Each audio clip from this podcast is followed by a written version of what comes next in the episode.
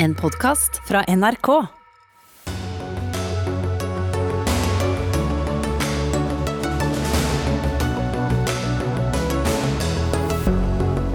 Én av fire mindreårige som blir arrestert, blir satt på glattcelle. Unødvendig, mener forsvarerne. Folk med høy utdannelse blir fullstendig oversett i valgkampen, ifølge akademikerne. Alle som lever av lønna si er alminnelige folk, svarer Arbeiderpartiet. Libanon er få dager fra en sosial eksplosjon, advarte landets statsminister i dag. Økonomien rakner. Som alltid går det hardest utover de fattigste, og EU pønsker på sanksjoner. Og en ny debatt om elsykler kommer i dagens utgave av Dagsnytt 18. Legevakten i Oslo er så fortvilet at de innkalte til pressekonferanse i dag og ber om at syklene i hvert fall stenges om natten. Det er tre ganger så mange ulykker bare det siste året. Velkommen, Dagsnytt 18 i NRK P2 på NRK1 med Ugo Fermariello. Antallet mindreårige som satt mer enn ett døgn på glattcelle, økte i fjor. I fjor satt 24 mindreårige mer enn ett døgn på glattcelle, seks flere enn året før.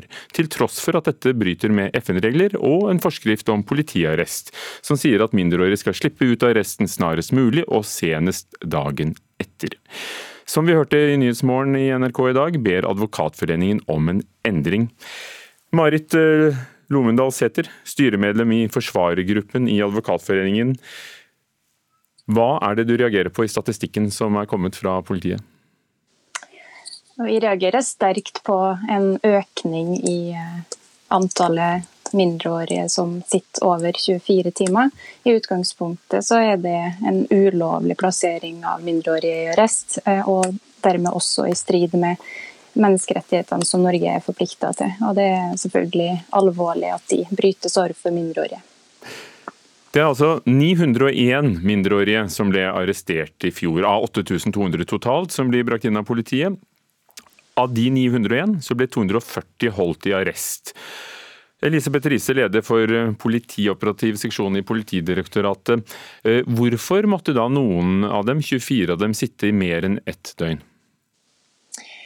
Det er sånn at Politiet ønsker at mindreårige ikke settes eh, på, eh, i arrest.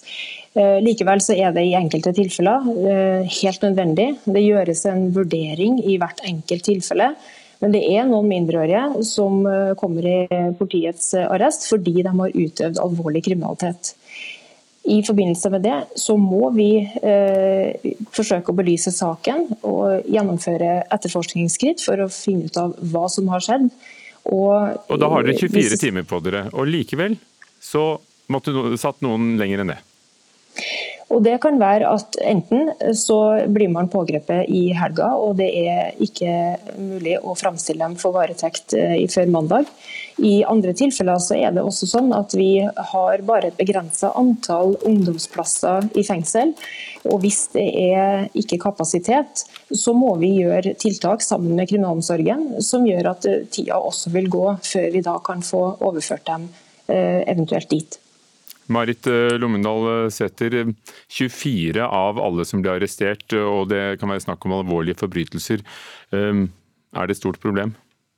Ja, jeg mener at det er et veldig stort problem. Når staten griper inn, så skal menneskerettighetene og norsk lovgivning overholdes, uavhengig av hva Eh, personer, mennesker, og særlig barn, eh, har gjort. Eh, dessuten så merker jeg meg at de mest alvorlige forbrytelsene trekkes fram som drapsforsøk, men det er også mindreårige som blir satt på glattcelle f.eks. pga. trusler, små mengder narkotika.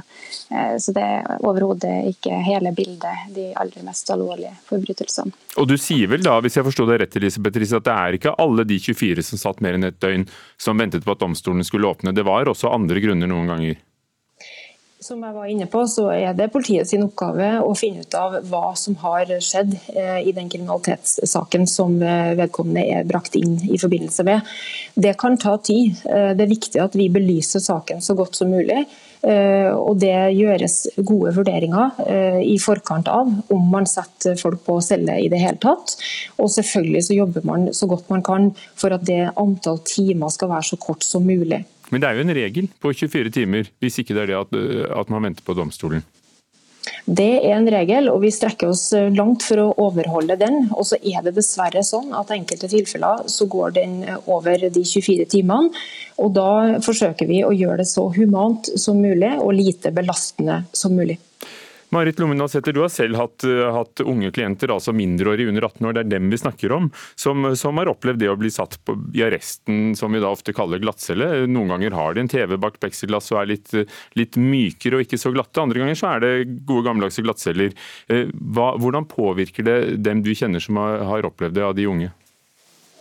I all hovedsak så har det vært gode gammeldagse, eller dårlige gammeldagse glattceller. Eh, nå er det heldigvis Eh, kommet TV på en del av de i Oslo, der det sitter flest. Men eh, det ungdom forteller meg, er at eh, det er noe av det tøffeste de har opplevd. Det å bli plassert på glattcelle av norske myndigheter og politiet. Og det, her er jo ungdom som ofte har opplevd ganske mye. Sårbar ungdom. Ofte svikta av ulike etater fra før. Og når det er beretninga deres, så, så blir jeg bekymret. Men, men, du reagerer altså ikke bare på, på, de, på, at noen sitter mer enn et døgn, men også på hvor mange som gjør det. Altså Én av fire som blir satt i, i, arresten.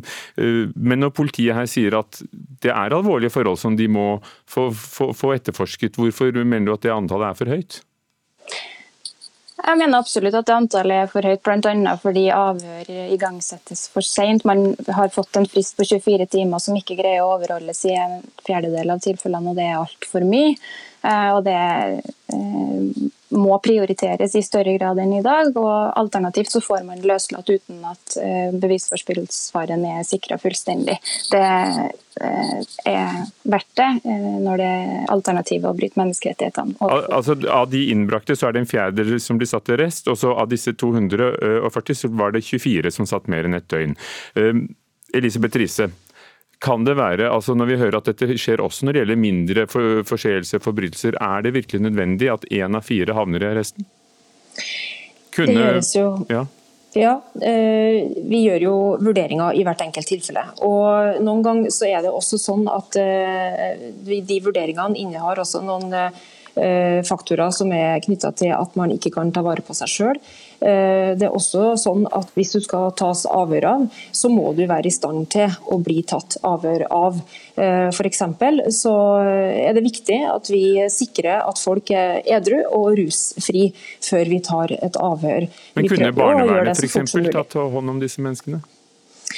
Eh, det er politiet som er den etaten i eh, landet som kan utøve makt overfor befolkningen.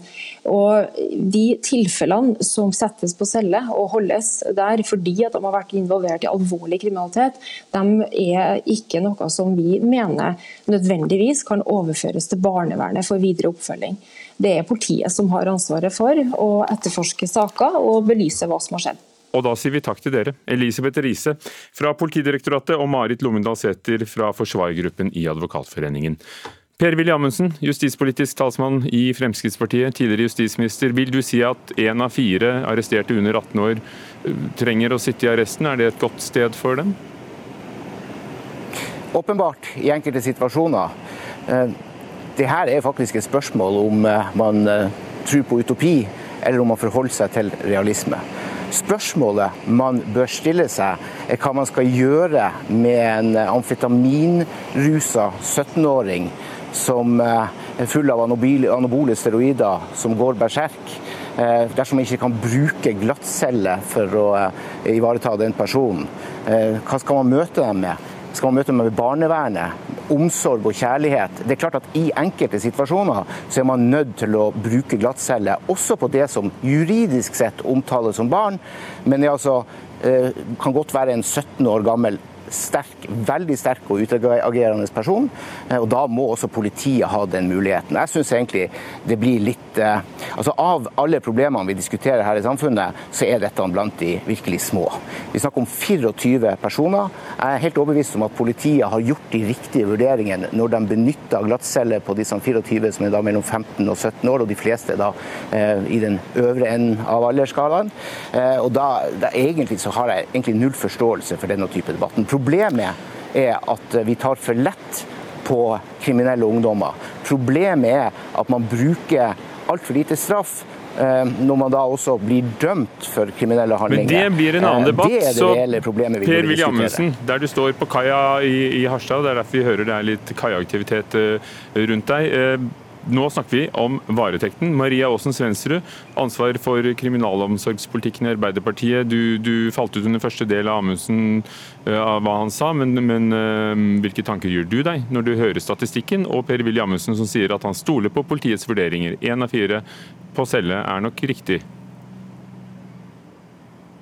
Ja, altså For det første så må jeg si det at når vi i vårt samfunn har tillatt at vi er i en situasjon hvor vi har barn og ungdom som blir alvorlig kriminelle, så er det et tegn på svikt og svik fra samfunnet. Da må vi stille opp, og vi må ta det ansvaret som fellesskap. Eh, og så er det ikke sånn eh, Jeg hørte ikke innledningen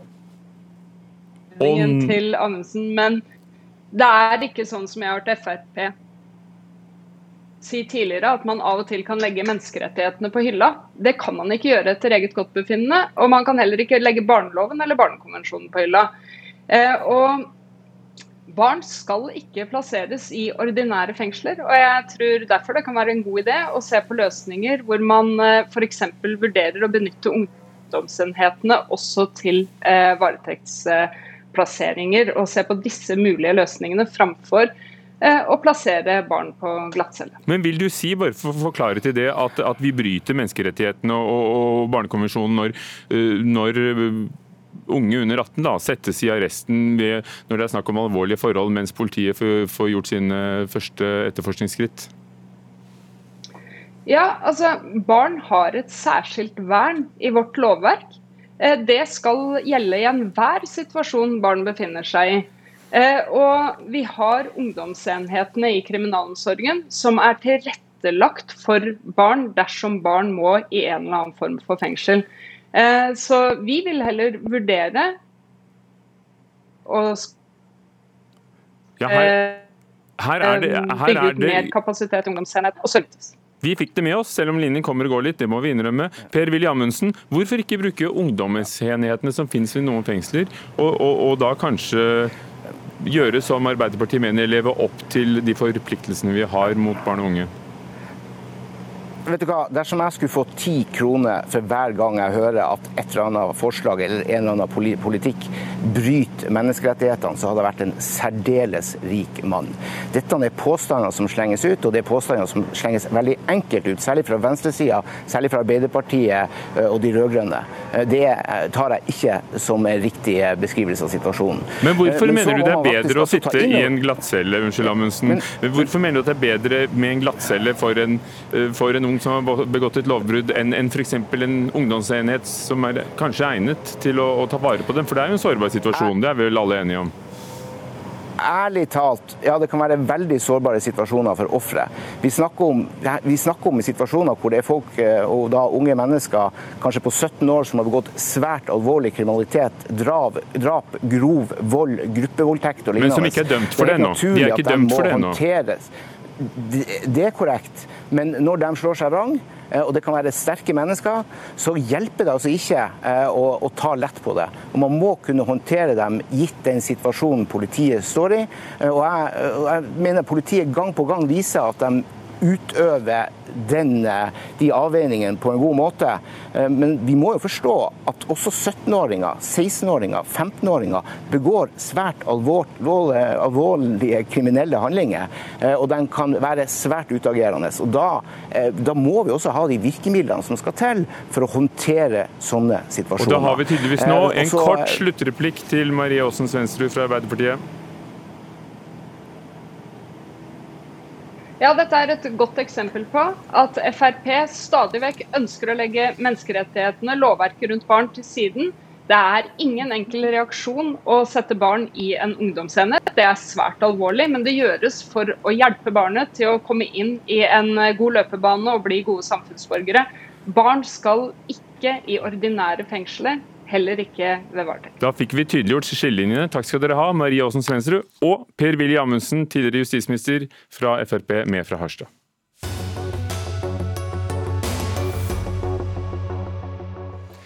Rike bedriftseiere har doblet formuene sine under Høyres regjering, kunne vi lese i Dagbladet.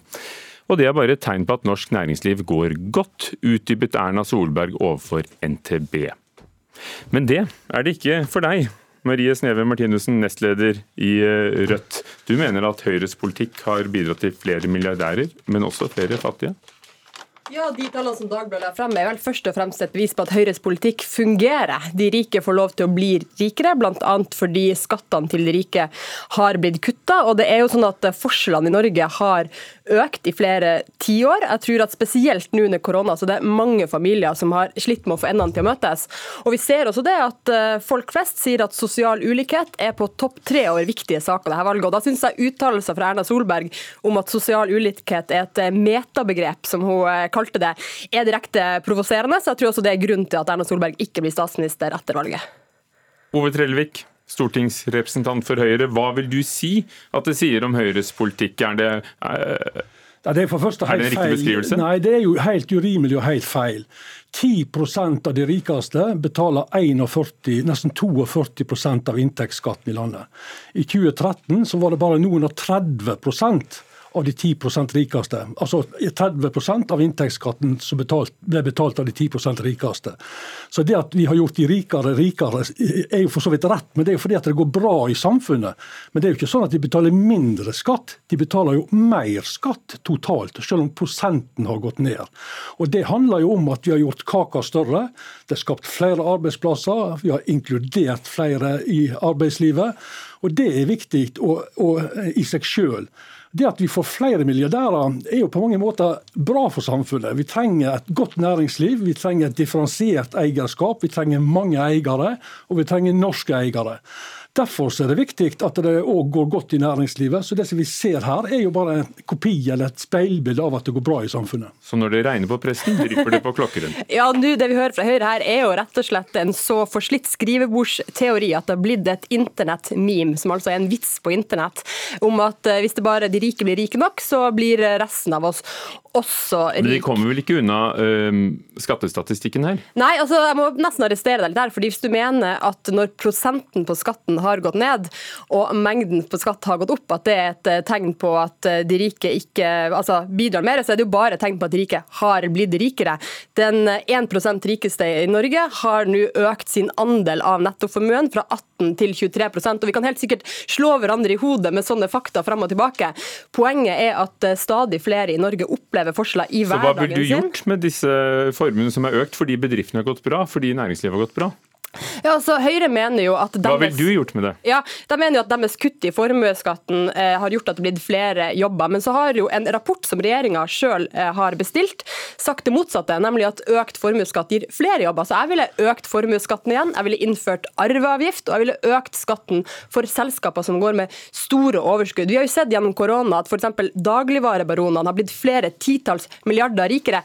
Det er ikke gode nytt for dem som jobber på gulvet i butikkene, for de er fortsatt blant de lavest lønte i landet vårt. Her ser vi hva vi kan møte etter valget hvis venstresida vinner fram med sin politikk. Det er økte skatter, mer avgifter, verre konkurransekraft for norsk næringsliv. Dette bør samfunnet frykte. Jeg gleder meg til den arbeidsgiveren og arbeidslivseieren og selskapseieren som står fram og sier det at pga. økt formuesskatt så skal jeg ansette flere. Pga. økt formuesskatt skal jeg eksportere mer.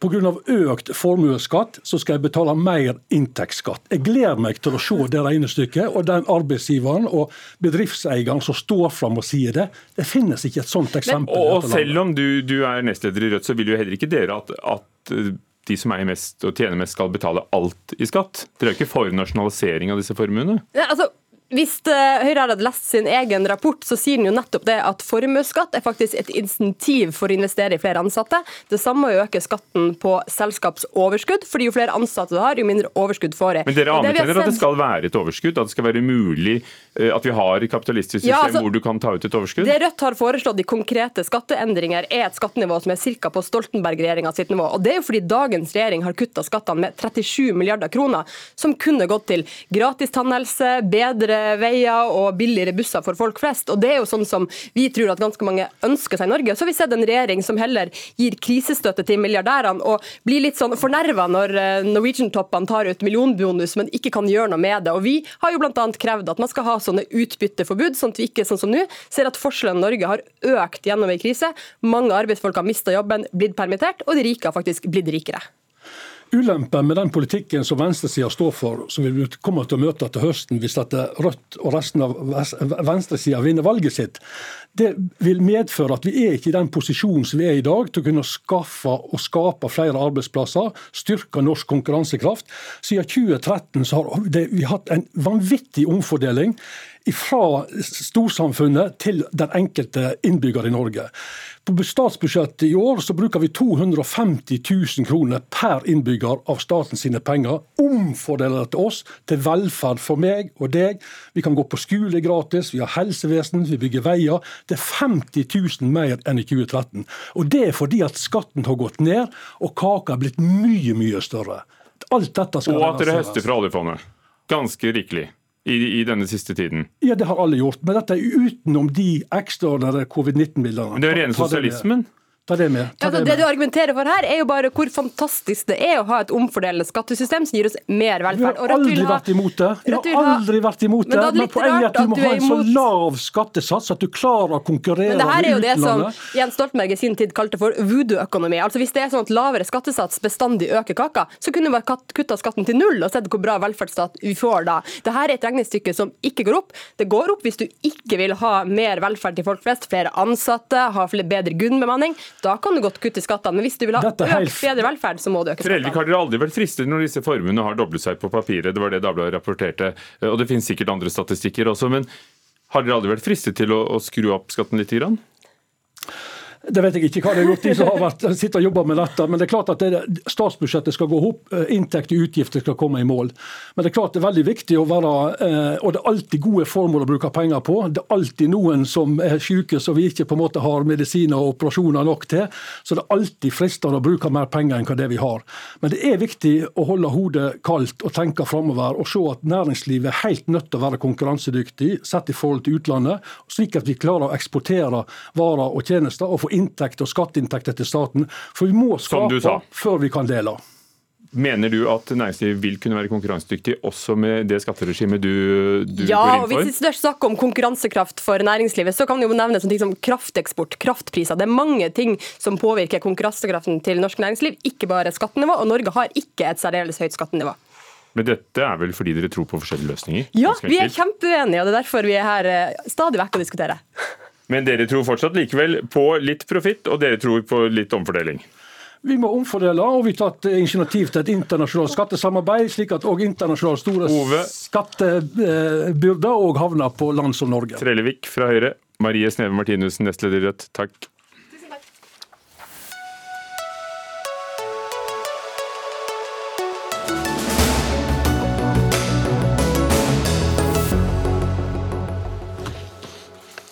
Antallet ulykker på elsparkesykler har altså tredoblet seg i løpet av det siste året.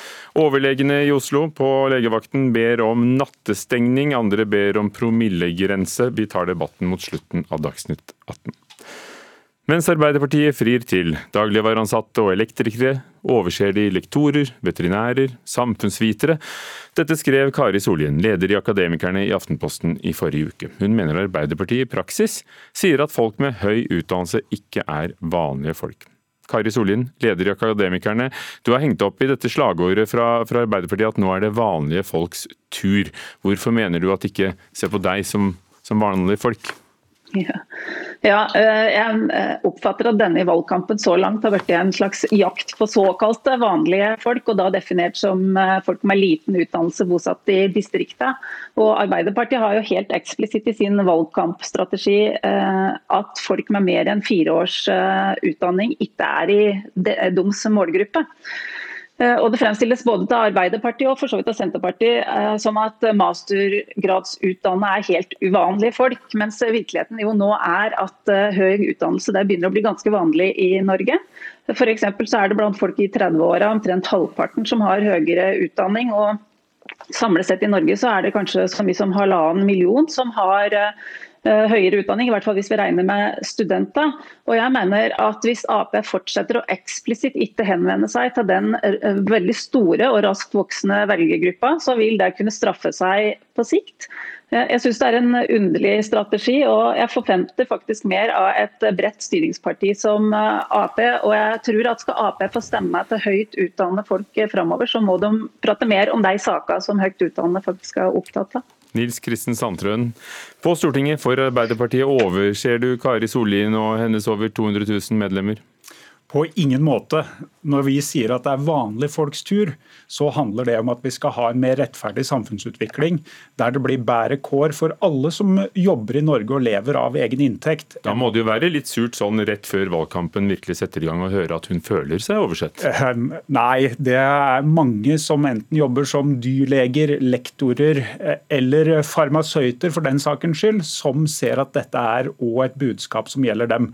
Jeg snakka med en eh, venn av meg forrige uke, og han sa på eget initiativ at det budskapet dere har med vanlige folks tur, det liker jeg godt, og det kommer dere til å tjene mye på. Og så spør jeg han føler du deg som vanlige folk, og han sier ja. Det gjør jeg. Så dette handler kort og godt om at vi mener at det nå, etter åtte år med økte forskjeller, privatisering og sentralisering, heller må prioritere en politikk som gir alle arbeidsfolk billigere barnehager, at det skal bli billigere å være med i en fagforening.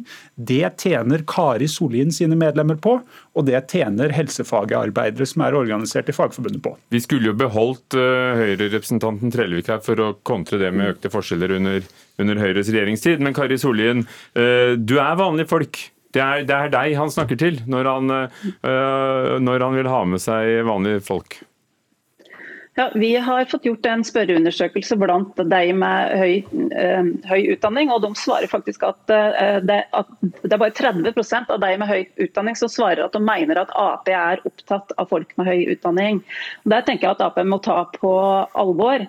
Eh, og Vi har gjort et lite søk i partiprogrammet og ser at uh, vi får 21 treff på fagskoler. Det er veldig bra. Vi får 13 uh, treff på universitet i programmet, men i Ap sin 100-dagersplan så er det altså ingen av punktene der som handler om høyt utdannet. Da tenker vi er et sterkt signal om prioritering.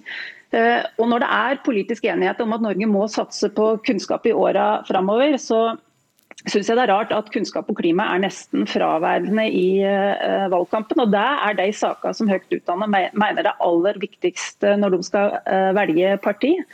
Uh, og Det er også en av kjernesakene for Norge hvis vi skal lykkes framover. Så jeg mener som sagt at Hvis Ap skal få stemmer fra høyt utdannet framover så må de løfte de sakene. Jeg kan for eksempel, men, men nå er det sånn, Solien, nå, nå, sitter jo du hjemme hos deg selv, og, og Sandtrøen mm. sitter her hos oss. Nå, nå slipper vi ham til litt. Ja, dette blir eh, helt feil. fordi Når vi sier at vi skal sørge for at folk får faste eh, stillinger, så gjelder jo det òg ansatte på universitet og høyskoler. Det har vi vært krystallklar på i Stortinget hele denne perioden, og det er en del av vårt partiprogram. Når vi sier at vi skal forsterke Mattilsynet, så vil jo det sørge for at eh, mange veterinærer får bedre arbeidsvilkår der de jobber rundt omkring i hele landet. Så dette blir helt feil. Og sånn, og sånn kunne jeg fortsatt. Ja, og, sånn og, og fra mange punkter som nettopp tar for seg hva også høyt utdannede er bekymret for, så må det jo bekymre deg at så mange av akademikernes medlemmer ikke får øye på det, verken i programmet eller 100-dagerspunktene? Som sagt så er det jo veldig mange med eh, akademisk utdanning som nettopp sier at de syns vi har et veldig godt sosialdemokratisk program ikke får øye på det. Du syns det er helt greit? Ja, Til lags at alle kan ingen gjøre. Men uh, vi er nå veldig fornøyd hvis det blir et nytt stortingsflertall og en Arbeiderparti-ledet regjering. Og Da trenger du vel akademikernes stemmer òg? Absolutt. Vi trenger stemmer fra alle typer arbeidsfolk. Enten det er folk som lever av å kjøre taxi, det er lektorer eller det er leger. Poenget mitt og Det som dette egentlig betyr, er at det nå f.eks. er sånn som Rema Reitan og Johansson som eier Kiwi-butikkene, som har blitt 62 milliarder kroner rikere bare på dette året. her. Det var den vi snakket om i sted. Ja, nettopp. Og dem kan bidra litt mer, sånn at Kari Sollien og deg og meg får et bedre helsevesen. Da får du med deg Rødt på laget, kan vi konkludere fra forrige debatt. Sollien, er det ordene eh, Arbeiderpartiet velger du, du savner, eller er det konkret politikk? Jeg mener jo at de ordene som blir brukt både i valgkampstrategien og i alle de 40 punktene i det programmet for de første 100 dagene, de må vi jo som eh, velgere kunne tolke som en prioritering av eh, Arbeiderpartiet. Eh, og Da er det ikke bare ord, da er det straks snakk om faktisk politikk. Og Jeg syns f.eks. det er veldig rart at Arbeiderpartiet ikke velger å løfte inn i sitt 100-dagers program vilkårene for studenter. Det har vært veldig stille om det. og Vi vet jo at studenter er blant de gruppene som har hatt det absolutt vanskeligst under koronapandemien. Og Vi risikerer nå at færre gjennomfører, eh, og at mange ikke har råd til å ta eh, høyere utdanning.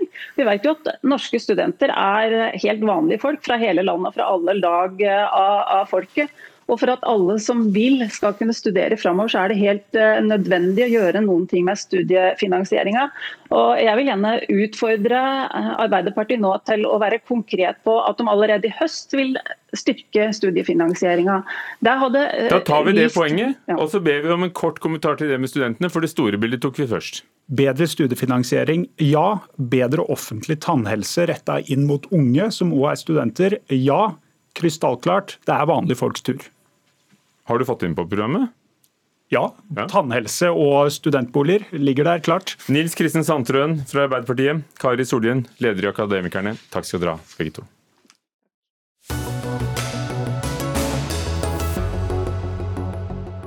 Siden 2019 har eh, økonomien i Libanon ramlet fullstendig sammen. og dette rammer stadig flere. Sparepenger, pensjon, lønninger. Alt dette har eh, falt med 90% i verdi, noe som har kastet halvparten av befolkningen ut i fattigdom. Og ifølge Verdensbanken står Libanon nå oppe i en av de verste økonomiske krisene siden 1850. Kyrre Lien, korrespondent for eh, VG i Beirut, hovedstaden i Libanon. Hvor står du, og hvordan er det der nå? Akkurat nå så står jeg ganske midt i sentrum av eh, Beirut. og det er klart at uh, Situasjonen her nå er ganske kritisk og ekstremt uh, krevende for veldig mange. Som du er inne på, så er uh, 50% av befolkningen nå i fattigdom. Det er vanskelig å få tilgang på strøm, bensin, medisiner. Alle disse enkle tingene som man trenger for å, for å kunne komme seg gjennom en dagen. Så det er kanskje ikke så mye igjen av det glade utelivet i Midtøstens Paris, hvor land fra hele Midtøsten, eller folk fra hele Midtøsten flokker til for å, for å hygge seg? Vel, det er en sannhet med to modifikasjoner. Fordi denne krisen rammer eh, i aller grad eh, de fattigste og også middelklassen. Men eliten, de som fremdeles har tilgang på dollar og eh, har gode jobber, de klarer seg fremdeles. Så selv om det er en, en, økonomisk kollaps her i byen, så er fremdeles folk ute og drikker øl og prøver å komme seg gjennom det. Mm. Og Det ble jo ikke bedre med den store eksplosjonen i august i fjor eh, nede på havnelageret. Der et stort lager med eksplosiver gikk i luften, over 200 døde. Eh, hundrevis av bygninger ble ødelagt, og dette i tillegg til pandemien. Hvordan, hvordan er det å gå på gaten i, i Beirut om dagen? Det jeg ser på gata, det er gjerne lange Eh, køer med folk som står i, i kø til bensinstasjoner for å få fylt på eh, drivstoff. De kan stå i kø i, i flere timer. Noen har overnattet, uh, overnattet, der. Jeg ser folk som leter etter mat i konteinere. Det er rett og slett ganske deprimerende, og alle mennesker som jeg snakker med her, de er berørt av krisen på en eller annen måte. De har ikke sparepenger lenger.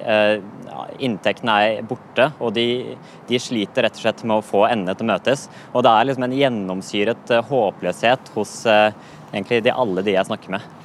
Jens Frølich Holte, statssekretær i Utenriksdepartementet. Etter den store eksplosjonen i august i fjor, så sa Norge at eh, vi skal hjelpe, eh, og vi har allerede hjulpet. Hvordan er Norge med på å bidra til Libanon?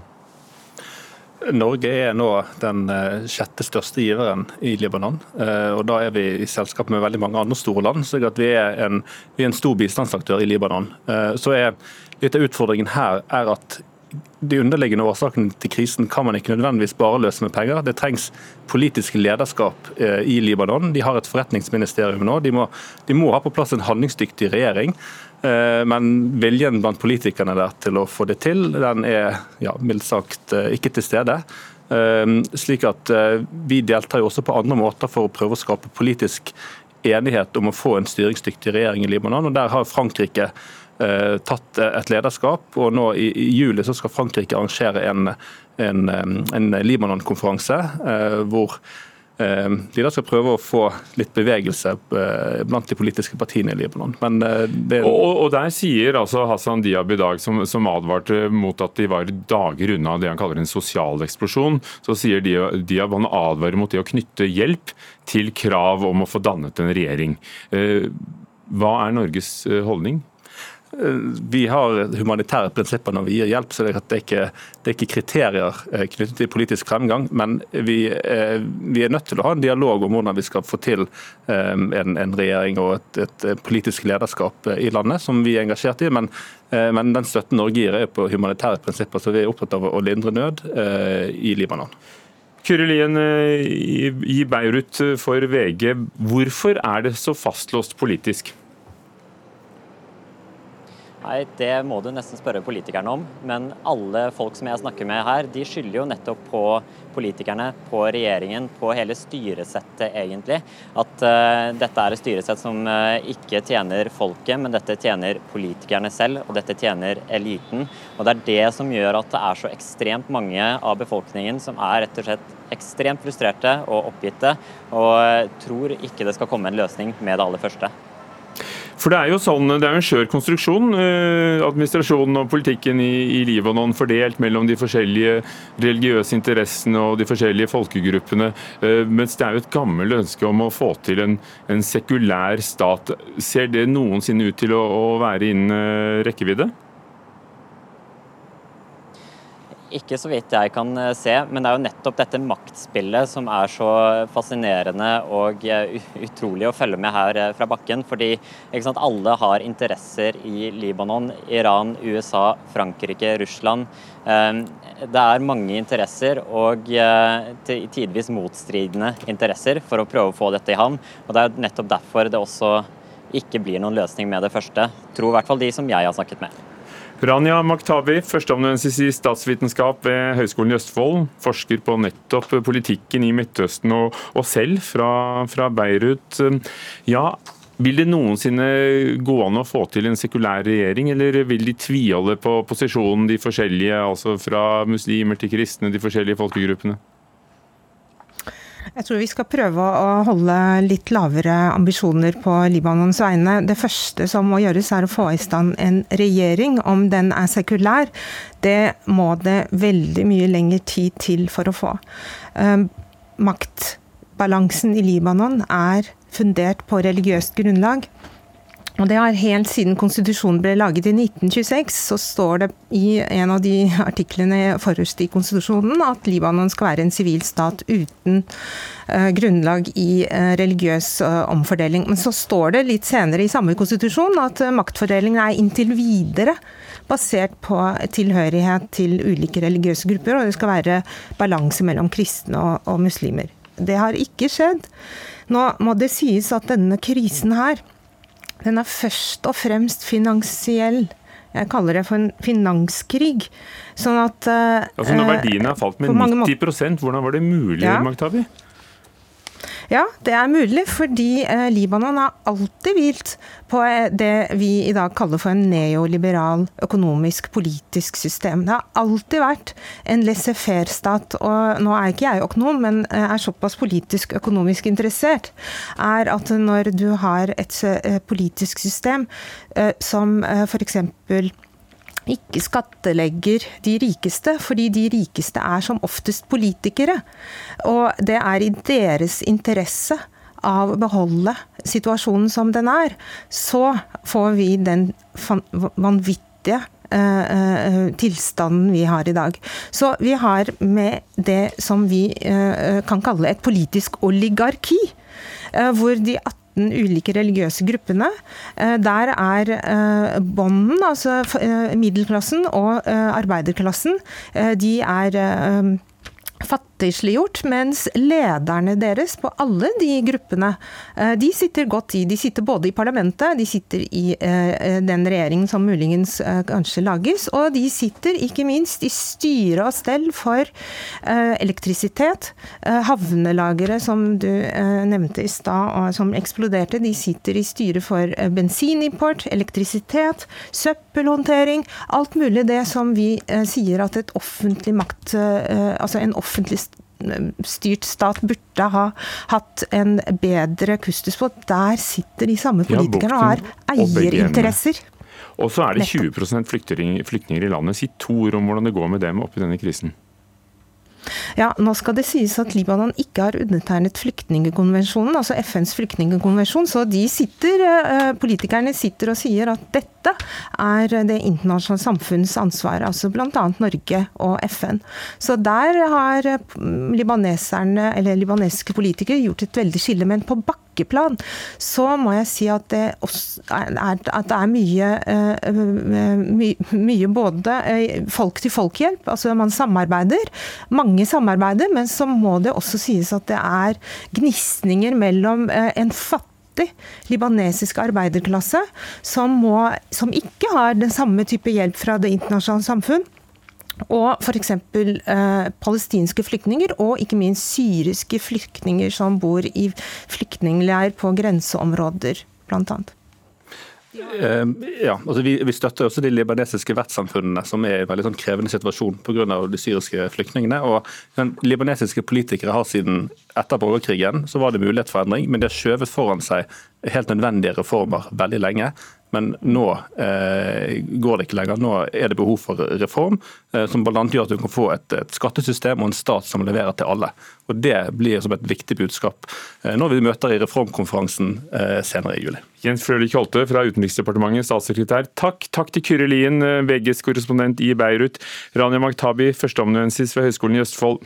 Hva gjør det med deg å se ditt Beirut og ditt Libanon i denne krisen? Nei, det er helt forferdelig. Det er helt forferdelig. Men samtidig så kan det sies at det som også er uh, riv ruskende galt, er at uh, de som har dollar, tilgang til dollar, kan faktisk gå ut og spise. Og de drikker ikke bare øl, de spiser. Altså jeg bare snakka med en tanta mi som, har, uh, som får tilgang på dollar. Hun sier at de prøvde å få bord for tre personer, de skulle feire bursdag. Det var vanskelig å få tak i bord, for alt var fully booked. Så du har en helt vanvittig vanvittig situasjon hvor 20% lever bra fordi de har tilgang til dollar. Og vi vi kjenner jo noe til det i det gamle østblokklandet, hvor apparatskikkene eller de som hadde business eller de som var forretningsmenn, hadde tilgang til dollar, men ikke resten av befolkningen. Takk skal du ha, du også.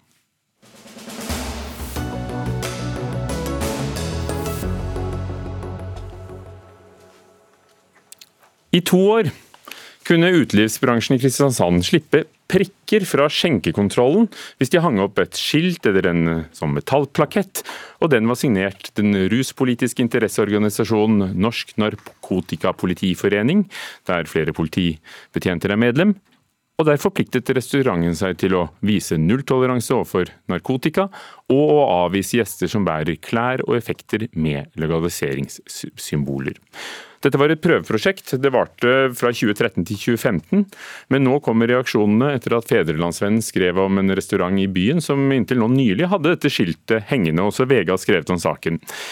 Katrine Holter, du er en av dem som har eh, reagert i dag. Førsteamanuensis i rettsvitenskap i Politihøgskolen, men, men eh, i høyeste grad her som, eh, som deg selv. Hva er det du reagerer på med dette? Ja, altså bare La oss si det med en gang. Altså Norsk Narkotikapolitiforening er jo en privat politisk organisasjon. Og Forholdet mellom politiet og NNPF, som altså er forkortelsen for denne organisasjonen, har vært kontroversielt lenge. Eh, og Det bør understrekes først som sist at NMPF NNPF selvsagt har organisasjonsfrihet og ytringsfrihet, og det er helt legitimt for de å jobbe for sin sak. Men det som mange har reagert på, er uheldig rolleblanding. For så har NMPF brukt eh, politiets adresser inntil nylig. Tidvis så har eh, NMPF-medlemmer opptrådt eh, med uniform, og det har også vært snakk om pengeoverføringer fra POD til NNPF. Det var en sak, en reportasje vi hadde her i Nyhetsmorgen. VG har skrevet om dette med, med foredrag på skoler med, i, i regi av foreningen med bevæpnet politi. Men dette her, altså et skilt, hvor alvorlig kan det være? Ja, altså I denne, denne, saken her så har jo NMPF hatt en sentral rolle i utformingen av en avtale om ansvarlig alkoholhåndtering, som da er inngått mellom kommunen, politiet, Arbeidstilsynet og skjenkesteder i Kristiansand. Um, og Avtalens formål er å bedre et samarbeid om ansvarlig alkoholhåndtering. og Det er flere punkter i denne avtalen, men det som mange reagerer på, er punkt åtte, om at bedriften forplikter seg til å henge opp et skilt fra Norsk Narkotikapolitiforening på et synlig sted i bedriften. Og På dette skiltet så står det altså at man skal avvise gjester som har klær med legaliseringssymboler. Og bare så det er sagt med en gang, Symboler eh, på klær er ytringer som er vernet av Grunnloven. Dette er uheldig, fordi at disse utestedene blir påkrevd å reklamere for en privat politisk organisasjon. Og det gir politiet en politisk slagside, og det er tilliten til politiet som til slutt blir skadelidende her. La, la oss ta de poengene der og bringe dem videre. Torbjørn Urfjell, du er direktør for kultur- og innbyggerdialog i det nye Kristiansand, storkommunen. Hvordan i verden kunne kommunen den gangen da gamle Kristiansand kommune går med på en sånn avtale som forpliktet utestedet til å henge opp et, et skilt fra en interesseorganisasjon hvor, hvor, til og med visse typer plagg ikke var lov? Mm. Det vi hadde behov for i Kristiansand, det var et bedre tillit mellom myndighetene og bransjen. Kommunen, som både er myndighet og kontrollør, og bransjen, som eh, hadde problemer hver gang de fikk påpakning på at de kanskje ikke fulgte alkoholloven godt nok. Og så hadde vi behov for økt kunnskap i bransjen.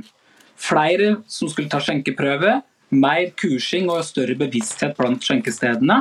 Og da gikk bransjen til en privat uh, interesseorganisasjon? Nei men, nei men, jeg skjønner jo det at det må være første tirsdag i fellesferien for at en sånn avtale skal være veldig interessant for Dagsnytt 18, og at egentlig ligger hunden begravd i Norsk Narkotikapolitiforening. Men dette prosjektet var så veldig mye større enn det. Eh, så jeg bare behov for å forklare at prosjektet handla om å få den tilliten. Så kom det punktet om å avvise folk med narkotikalegaliseringsbudskap. Det kom inn som et sidespor et års tid ut i prosjektet. Eh, for det at Kristiansand hadde et økende problem med narkotikabruk på utestedene, og særlig kokain, som mange opplevde rundt 2013-2014. Eh, det kommunen og våre avtalepartnere ikke burde gjort, det var å la Norsk Narkotikapolitiforening utforme budskapet, og vi burde stått som avsender av det sjøl.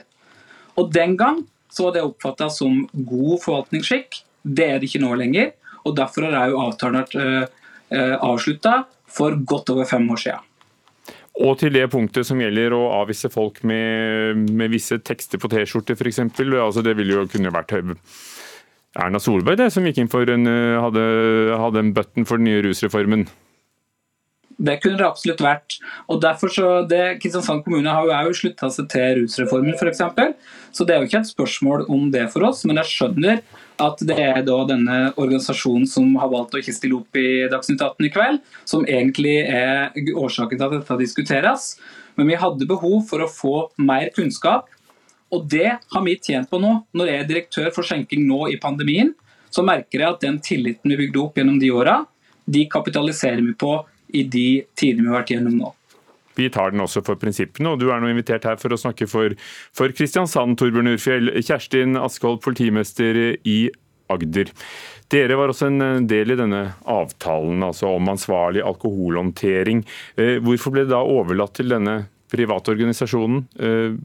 Som ikke eh, ville stille. Det er helt riktig, eh, men prinsippet her er jo der uansett. Eh, hvorfor var det de som lagde teksten? Det er vanskelig for meg å uttale om enkelthetene i et prosjekt som ligger såpass langt tilbake i tid. Og så vet jeg at intensjonene med prosjektet det var de aller beste i forhold til, som det er understreket fra Kristiansand kommune her, å videreutvikle politikken i forhold til alkoholservering i Kristiansand, alkoholpolitikk. Eh, og så, eh, i forhold til politiets rolle og ansvar, så kan jeg bare si at eh, i dag så er det svært viktig for oss at det ikke skal herske tvil om politiets rolle og ansvar, og at det også skal være et klart skille mellom når de ansatte representerer politiet, og frivillige organisasjoner hvor politiansatte er medlemmer. Så hva hadde dere gjort i dag, da? Eh, det som er, er at Arbeidet med å forebygge kriminaliteten er helt avhengig av samarbeid med ulike offentlige etater, og også med privat næringsliv. Eh, kriminaliteten den endrer seg raskt, og det krever nye arbeidsformer. Derfor må vi tørre fra tid til annen å kjøre pilotprosjekter for å videreutvikle dette, for å få kunnskap. Men jeg spurte sånn kort, hva, hva hadde dere gjort i dag? Ikke Ja. gått med på Nei, eh, nei eh, eh, prosjektet ble jo nedlagt, og det var bl.a. fordi det kom ny lovgivning som ville gjort at et tilsvarende prosjekt ville vært umulig i dag. Man ville ikke fått lov til å blande Mm. på den måten. Eh, og jeg tror også at politiet har lært gjennom ulike pilotprosjekter å, å få til bedre rolleavklaringer og ansvar. Det er det jeg håper, i hvert fall. Katrine Holter, hva får du ut av dette som forsker ved Politihøgskolen og nettopp i rettsvitenskap? Jo, altså Det er utrolig problematisk, mener jeg, at politi og kommune bidrar til å innskrenke ytringsfriheten på steder der allmennheten ferdes. Men nå ville de ikke gjort det lenger, sier de. Nei, og Det er veldig positivt, men eh, det er likevel viktig å huske på at politiet har en helt særskilt oppgave med å verne om ytringsfriheten. Den har de forklart godt og soleklart når det gjelder Sien-demonstrasjoner. Den må også gjelde for eh, ytringer som går på legalisering av cannabis og narkotika. Takk skal du ha, Katrine Holter, førsteamanuensis ved Politihøgskolen. Og Sian er altså Sian? De er da disse demonstrasjonene på høyresiden Ja. i politikken. Eh, Torbjørn Urfjell fra Kristiansand kommune, Kjerstin Askhold, politimester i Agder.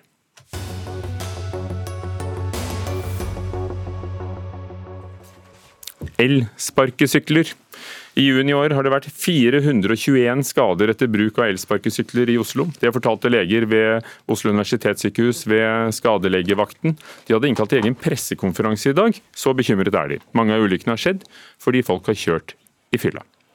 Henrik Siverts, overlege ved skadelegevakten i Oslo. Hva slags skader er det snakk om? Det er eh, både alvorlige og ikke alvorlige. 60% lette og 6-7 alvorlige skader som kan medføre varig men. Hvem er de som blir skadet, stort sett? Eh, Gjennomsnittsalder 27 til 30 år. eh, 17% under 18 år. Eh, Ja, stort sett unge folk. Det er da helt vanlig når det er sommer, godt vær, folk er ute. Og, og, og det skjer jo nå igjen, eh, for, for første gang på lenge, at flere skader seg enn når det er regnvær. Eh, Er det mer enn vanlig? Mer enn det ville vært for to år siden?